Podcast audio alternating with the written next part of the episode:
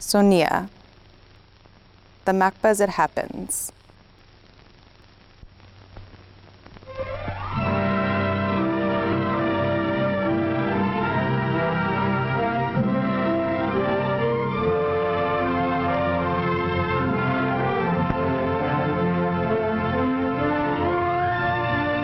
These racks and shelves contain a lot of books. Tens of thousands, hundreds of thousands, perhaps millions.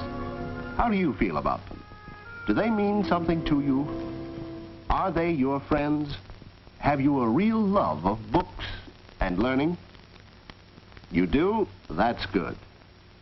Now, do you like people? And do people like you?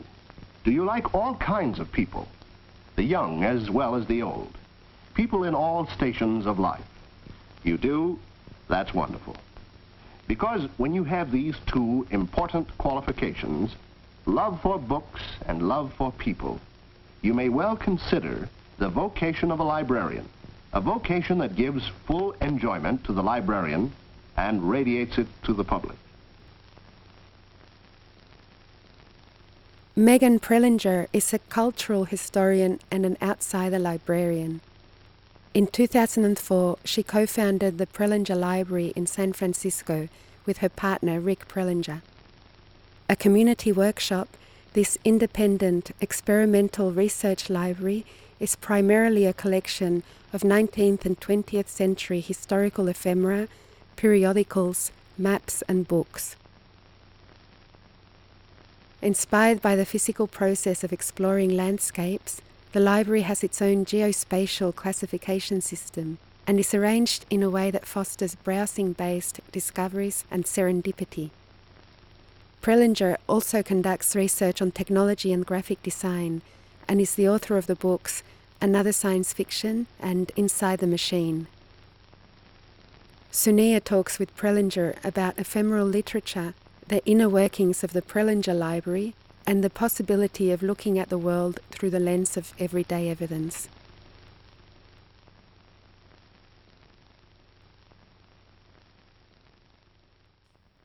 Part of the project is, in addition to being what we are, to also offer the idea that everyone can be their own librarian and that the the barrier to entry is very low and we try to point people to every other similar community resource across the country that we can find and uh, you know we want to think offer to people the idea that the you know the process of uh, making a library or making a community workshop is uh, is a kind of easy easy entry thing to do you don't have to have a lot of background knowledge. We didn't really. We had this, uh, you know, deep impulse to make a community workshop.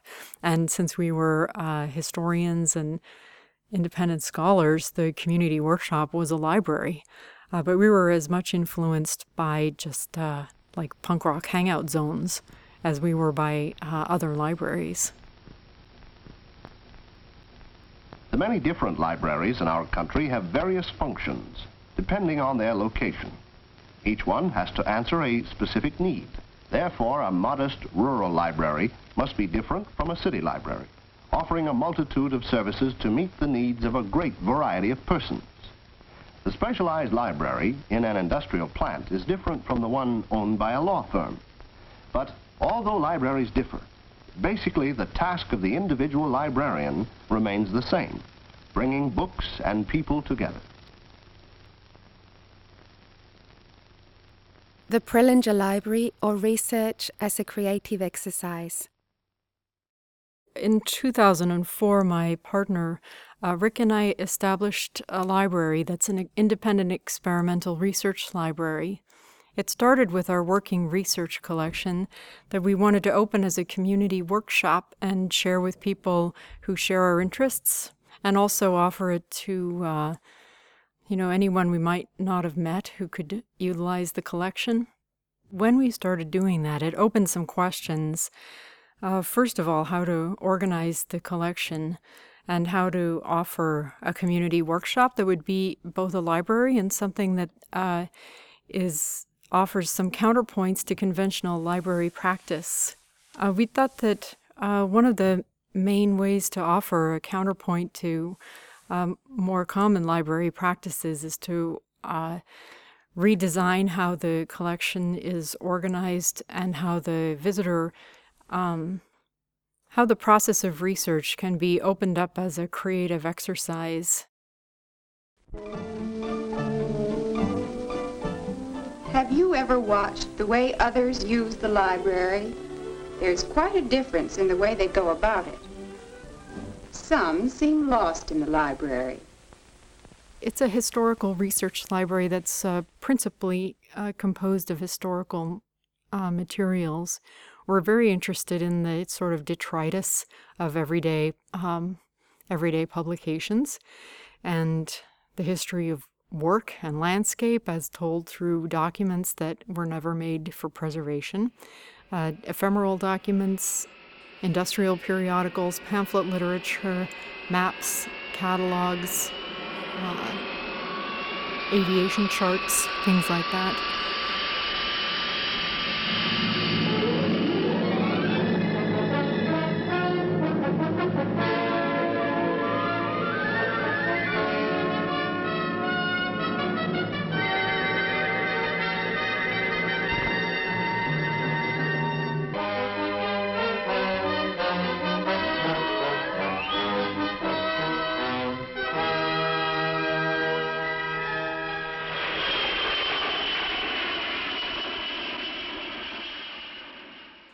The 19th and 20th century, um, many documents like that, even though they were not published for posterity, they were nevertheless published with artistry and often benefited from the um, collaboration between artists and map makers or uh, artists and technologists, whatnot.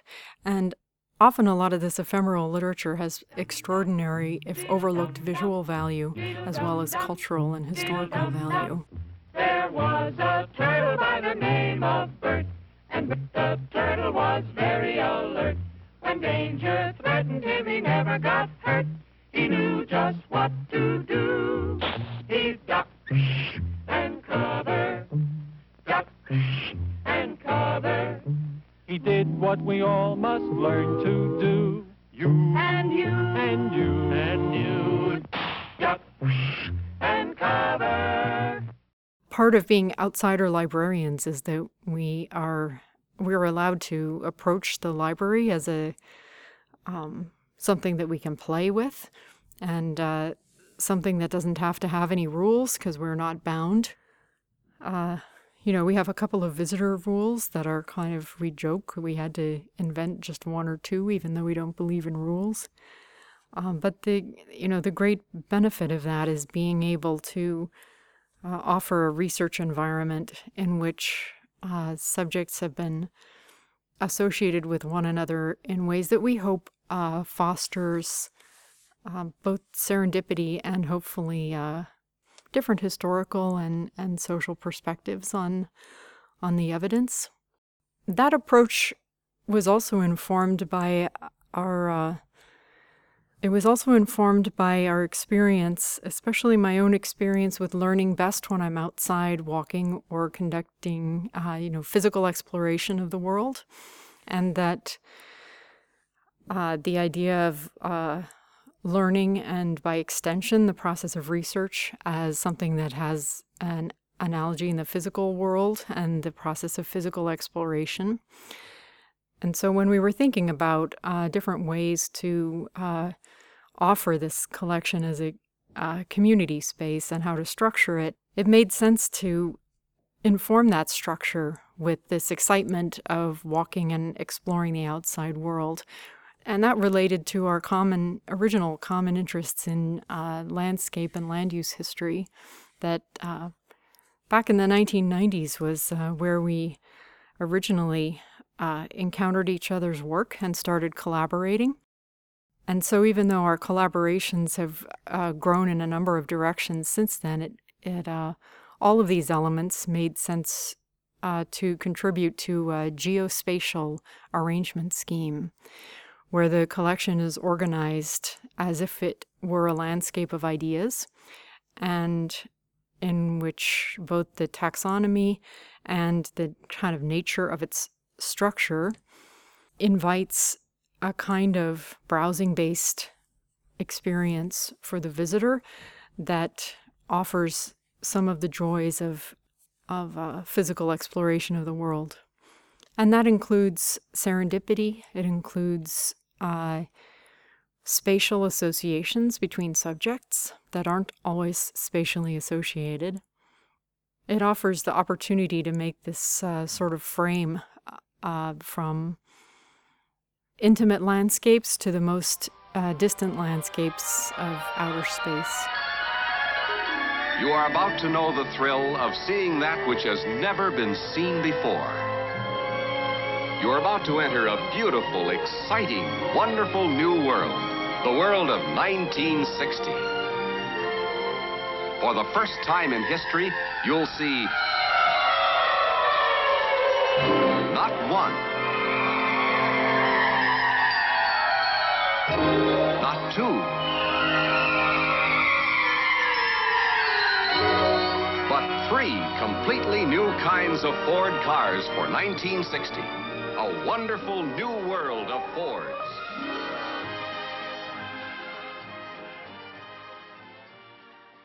Experimental research libraries, an informal community. We both approached this project actually as uh, independent scholars and artists. And uh, it was only in the design of the project and development of the ideas around the project that we became acquainted with a lot of these other experimental research libraries, of which there are many around the world. In the course of uh, planning it, setting it up, and opening it, uh, just starting to talk to people about what we were doing, we learned all about that we were joining a very informal community of uh, experimental libraries, of which there are many in North America and around the world. There are libraries on horseback in South America that visit rural communities. There is the Warburg Library.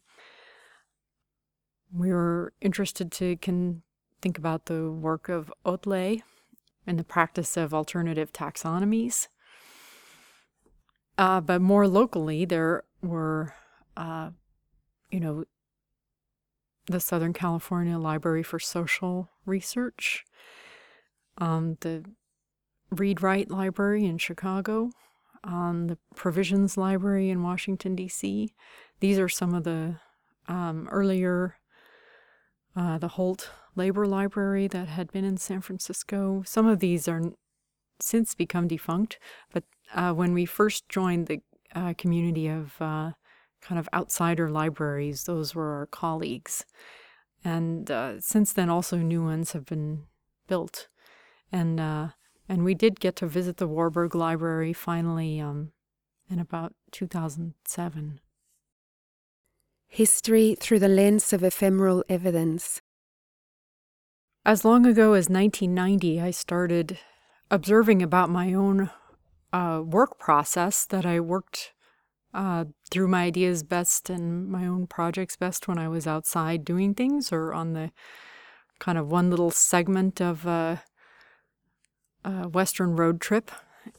And in the early 90s, it was the uh, kind of late in the era of rural book barns and uh, uh, time and place when there were little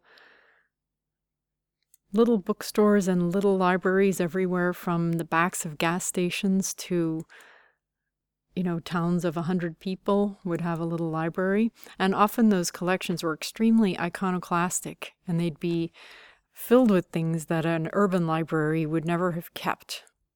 And it started me to thinking since i was just out of college and just trying to think of uh, what my own work was going to be I started to think about uh, what would what would research look like if you were only looking at uh, what larger libraries were overlooking, and what would what would the uh, American landscape and what would uh, what would society look like?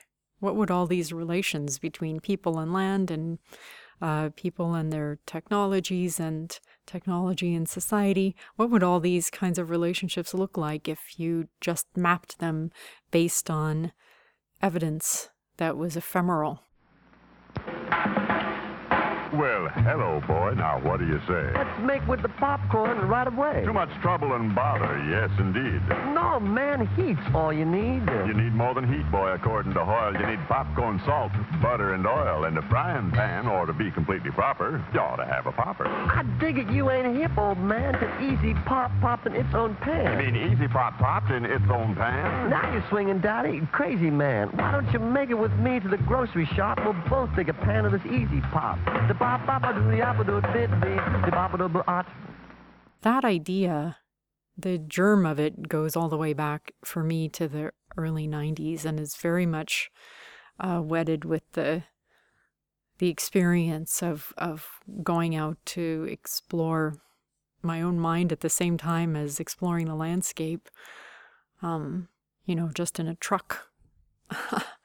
And uh my partner rick had founded the Prelinger Archives, the film archives, and was uh, doing a very similar practice, rescuing f- orphan film collections, and uh, and again looking at history through this lens of the detritus of the evidence of all our processes that have led us to to the historical moment we're standing in, and so we. Uh, met in 1998 and started comparing notes on the similarities between these two types of practice, and which were very similar in theory, uh, but had some different uh, physical manifestations. Although they also had a lot of common manifestations. We both collected maps.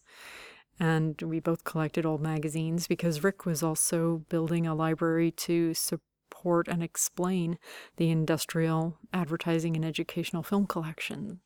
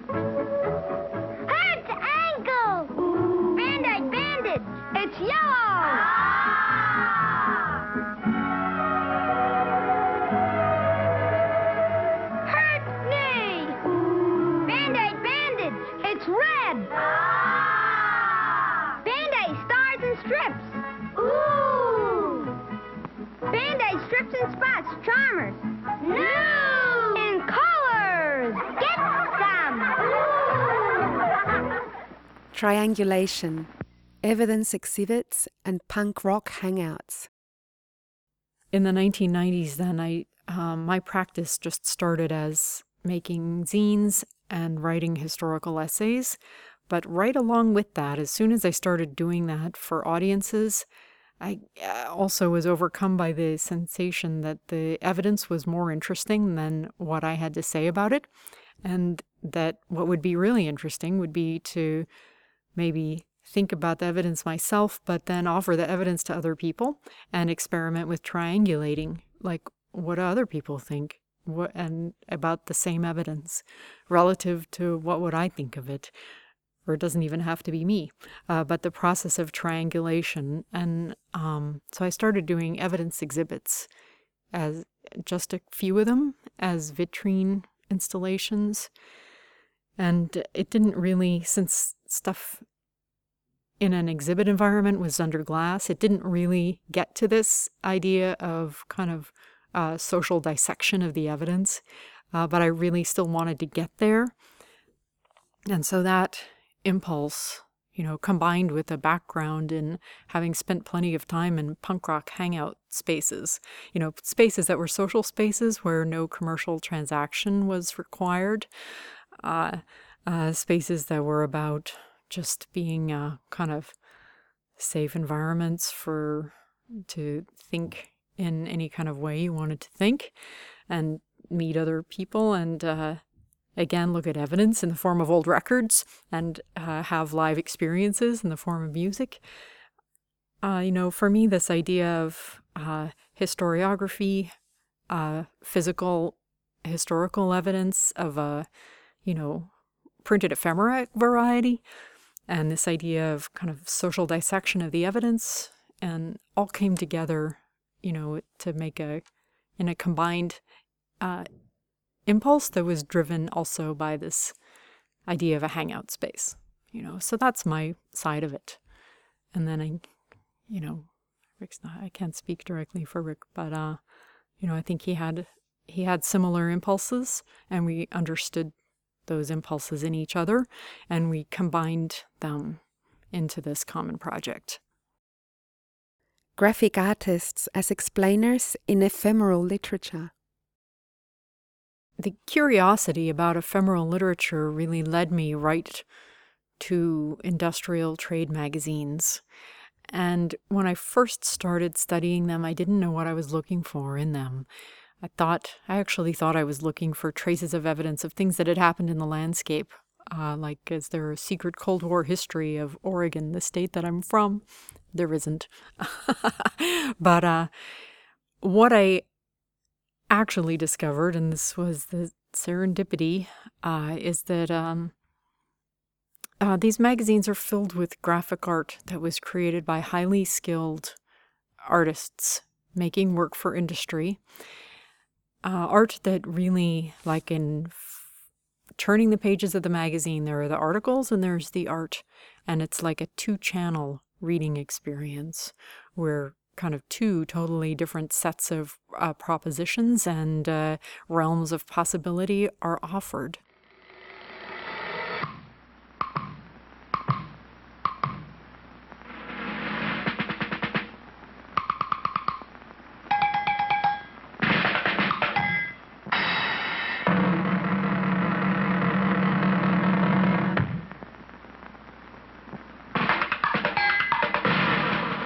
Up with Esso Extra gasoline. The gasoline that stops cool weather stalling. Fill up with Esso Extra and go!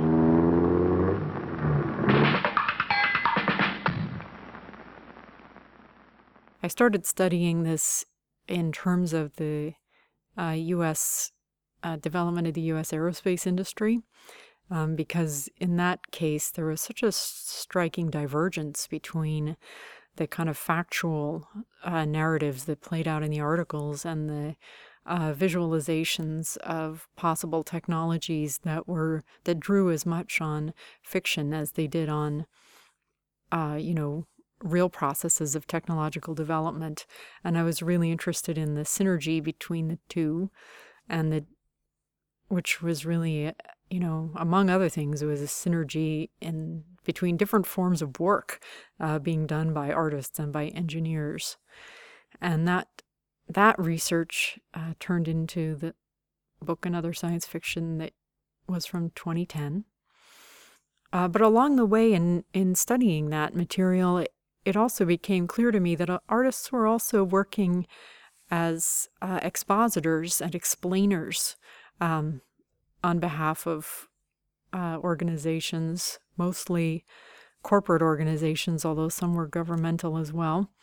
Uh, but expositors and explainers of new technologies that uh, technologies that were otherwise really invisible, either because they were physically so small or because they uh, really functioned only as component elements of larger devices. And so both at the level of uh, communication between industry from business to business, and also at the level of communicating new technologies to the public.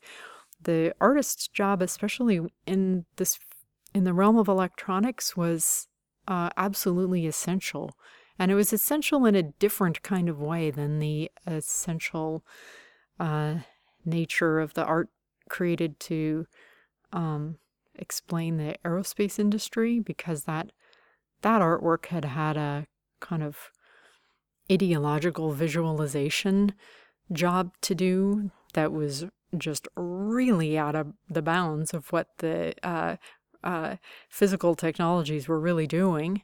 Uh, over in electronics, on the other hand, um, the art was really, it was no less uh, visually engaging and complex and referred out to a lot of different, to uh, artistic traditions of graphic modernism and uh, language based uh, visual art, among others. Um, but it also had a very a more kind of purpose made job to do of uh, explaining technologies and contextualizing them as these kinds of uh, as new electronic devices that were component driven entered the material culture and and they needed to be explained to people so i found that kind of job that the artists were doing that was equally uh, visually compelling and uh, essential to the uh, very kind of making a cultural space for new technologies. You know, in a lot of ways, it was even more interesting than the kind of popularly accessible uh, science fiction inspired artwork created for aerospace. So those were two separate projects. And the electronics, the book about uh, the work done by graphic artists to explain uh, electronic technologies in particular uh, took shape as a project called Inside the Machine Art and Invention in the Age of Electronics. Um, that's out in the summer of 2015. Art and Electronics The Planetary Model of the Electron. The process of artists making work for electronic technologies spans almost 100 years, and it therefore covers a lot of different uh, epochs in it spans all different phases of 20th century graphic art, starting with uh, early 20th century illustrative art. Uh, but even in that early 20th century illustrative art, artists were paying attention to what scientists were doing and were drawing a cultural frame around electronics that uh, related it to the, uh, you know, the space within the atom, relating it to the structure of the solar system. And so, even in just, even in soft pre war illustrative terms, those kind of early modern ideas about the relationship between the atom and the electron started to take form. Although no one has ever seen an atom, scientists have learned a great deal about how they behave, and there are widely accepted theories as to what they're like. Let's start by meeting a leading authority on the subject, Dr. Atom. Observing the professor himself, we can see that his structure resembles, in many ways, something almost as vast as the atom is small. The solar system. And there are certain similarities. Here is the center with electrons in surrounding orbits.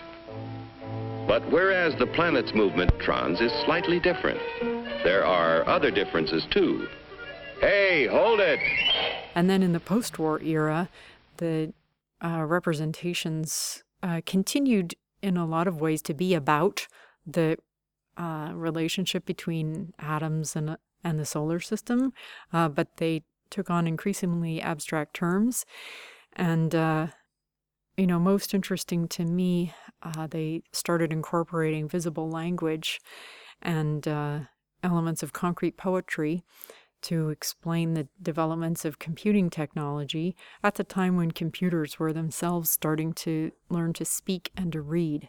This was during the time when uh, optical character recognition was being developed, and al- also artificial intelligence as it is expressed by computers being able to uh, being programmed to uh, quote speak unquote um, and the you know when artists really reached outside of realms of representation and started using language um, language based visual modernism to uh, make connections to the electronics that was like you know when art turned away from the material to the uh, sphere of language to make a new connection to the uh, similarly invisible sphere of electronics. Now, the solar system together is electrical. The electrons, which are negative, are attracted by the protons, which are positive, and vice versa. But here in the nucleus are other particles with no electrical charge called neutrons. Very important characters, too, as we shall see. And equally important when it comes to atomic energy is what scientists call the atom's binding force. It's a kind of cosmic glue holding the nucleus together. Even as a number of different eras within uh, graphic design traditions uh, were encompassed by these um, by these working relationships of artists uh, doing work for industry. Uh, that frame of the relationship between the atom and the solar system persists over about 60 years. And, uh, you know, I find that at the end, where the planetary model as kind of visual representation of components disappears in the 60s and 70s as the devices themselves become the subjects of de- design. Uh, what the idea that that left me with is uh, what can we learn from the planetary model of the electron uh, that would suggest approaches to thinking about electronics and ecology in the future? And it suggests to me that uh, the you know the idea of connecting the electron to the planetary model suggests that we you know the the future of electronics is to adapt uh, to being ecologically sensible and that that's the future of the planetary model. And again uh, it's not in the realm of the visual anymore. It's still in the realm of the um, you know because electronics have become so small we don't see their insides and so we're uh, kind of amnesiac about the uh, ecological impact of electronic technologies so that's where uh, that the direction that that book points. Radio technology and the public understanding of electronics.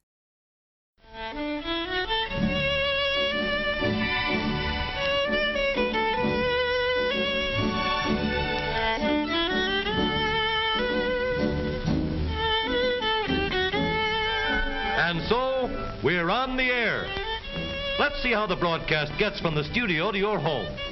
Of course, you don't hear the real sounds over your home radio. What you hear is a translation of the sounds. Sound travels in waves. The picture of a sound wave, if we could see it, would look very much like this. These sound waves, made by the musical instruments, travel in all directions at once. Some of them are hitting that microphone and being picked up by it. The microphone is simply an electrical ear, the ear of the broadcast listeners. It picks up sound waves and converts them into electrical current. The operation of the microphone is very similar to the telephone in your home. Any sound, such as music or a voice. I got so interested in the history of radio doing this project. When I use the phrase uh, history of electronic technologies or just electronic technologies, what that, you know, that's really too general. And what I mean in the pre war period, that means mostly radio to a lesser extent, it means TV, but so many more people had radio than had TV that uh, radio technology really led public understanding of what electronics was. In the post war era, that shifts to computing, and uh, in the course of the book, the first half of the book is more about radio, and the second half is more about computing. Uh, but what really interested me is the, uh, know, the vacuum tube uh, was visualized as this kind of anchor point that um, expressed this relationship between the atom and the solar system because the tube itself was this uh, glassine sphere and it uh, invited a kind of fantasy of containment in the same way the electron is a subject of fantasy of containment. How can the little particles hold together, you know, and which speaks to the very three uh, magnetic systems that hold the universe together. There's electromagnetism, there's uh, gravity, and then there's the uh, uh, planetary motion that holds the solar system together. And the vacuum tube came to exemplify the kind of the three-part harmony between all three of these magnetic spheres.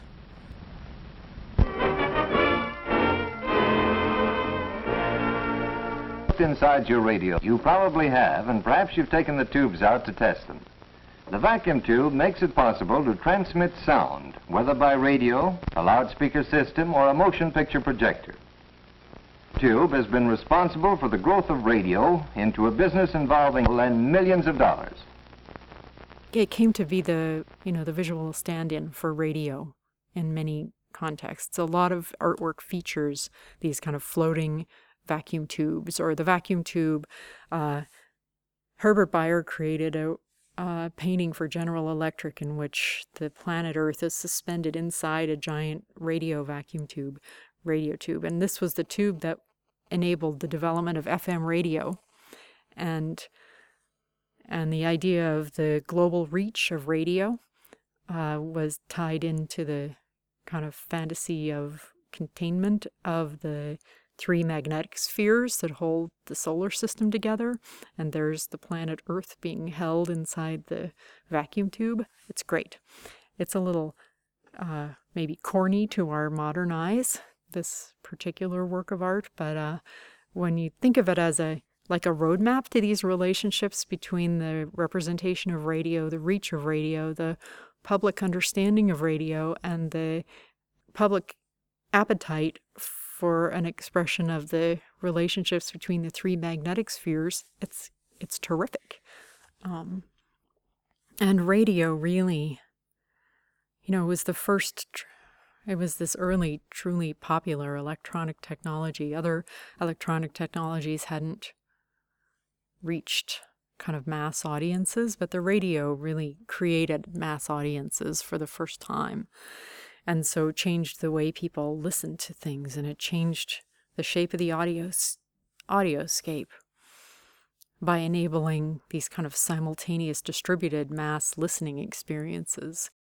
And uh, it's kind of interesting to me that the vacuum tube ends up being deployed to depict that and it's kind of like in addition to being uh, like a solar system that holds a planet inside it is also like a head that holds a listening experience inside.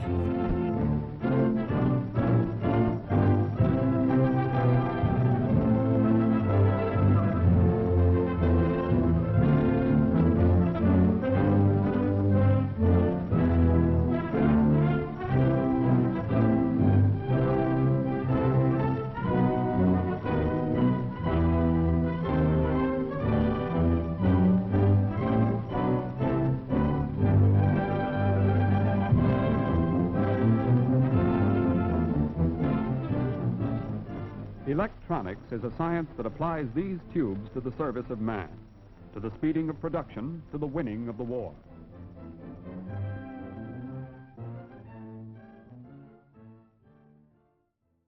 Macba.cat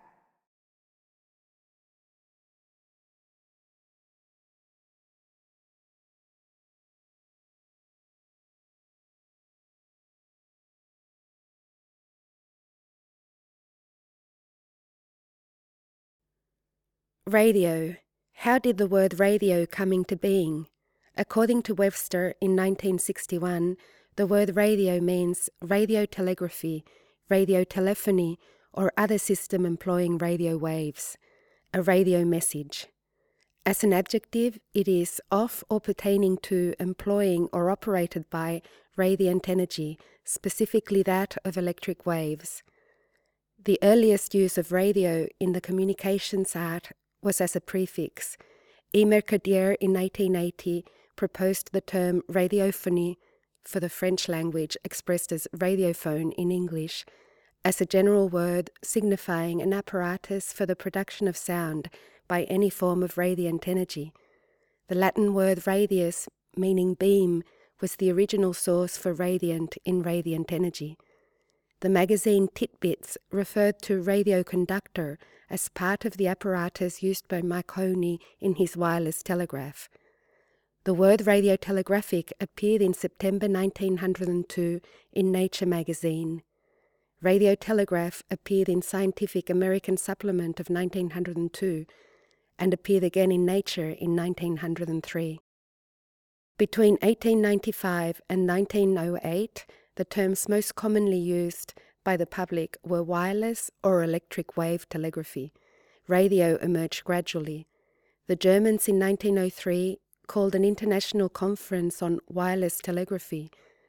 But when the conference was held again in 1906, it was renamed the International Radiotelegraphic Conference.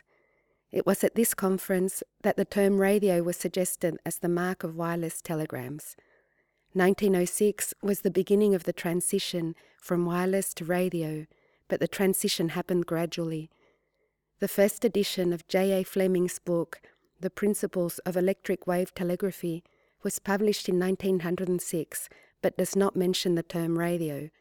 However, the second printing from 1908 includes radiogoniometer and radiotelegraphy, while the second edition in 1910 contained 12 index items using radio as a prefix. Another support for 1906 as the year of emergence for the word radio is the establishment that year of the Amalgamated Radio Telegraph Company, the first company to have used radio in its name. By 1912, the Institute of Radio Engineers first used the word radio as a standalone name, a word in its own right. This text was excerpted and adapted from an editorial column entitled Poles and Zeros, published in Proceedings of the Institute of Radio Engineers in September 1961.